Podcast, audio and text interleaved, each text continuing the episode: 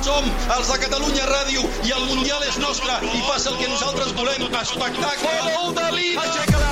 Aixeca-la! Brilxa, però com corre tu moto! Univers MotoGP. Però que el champion! La champion!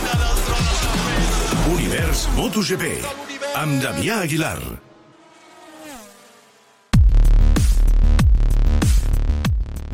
No ha calgut posar-li sobrenom perquè ja en té, el tauró de Mazarrón. Com diria el company Pere Escobar, Pedro Acosta és un altre pilot diferent, algú que fa les coses de manera superior a la resta i que, evidentment, hi ha de posar els cinc sentits i tot l'esforç de que sigui capaç per creuar la meta el primer, però sobre la base d'un ADN que ara com ara sembla invencible.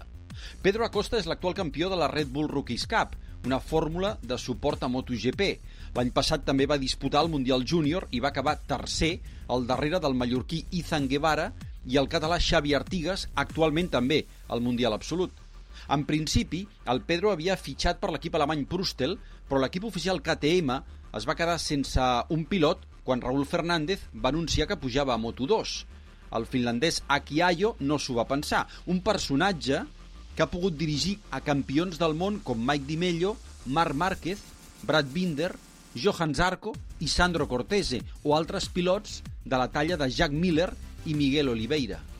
El que ha fet el Pedro és descomunal. Quatre podis a les seves quatre primeres curses del Mundial, amb tres victòries i un segon. Té 51 punts sobre el seu més immediat perseguidor, dues curses de marge, i només s'han visitat quatre circuits. I pensa que dels circuits que venen immediatament, Le Mans, el d'aquest cap de setmana, és l'únic que no coneix. Si plou tots els dies, tindrem l'opció de veure com se les empesca en aquesta condició. Univers MotoGP. El jove murcià està rebent molta pressió mediàtica. Només falta que algú tituli que serà el pròxim campió de MotoGP. Ell explicava a The Zone que després del primer cap de setmana va haver de frenar l'autocomplaença. En Qatar ya tuve problemas con esto de, de leer demasiado y ahora prefiero mantenerme fuera de, de todo esto. Eh, me vi primero en, el- en la primera carrera de Qatar en el FP1 y me puse demasiada presión, entonces creo que lo mejor ha sido olvidarme de todo y, mm, y centrarme en trabajar con el equipo. Si aquest home guanya el Mundial de Moto3, i això ens podem permetre el luxe de pensar-ho, en 4 anys pot ser a MotoGP.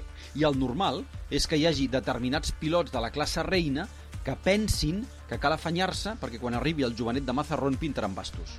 Com van pintar bastos quan Rossi estava al màxim nivell o amb Marc Márquez a la pista, en què el 80% del temps pinten bastos.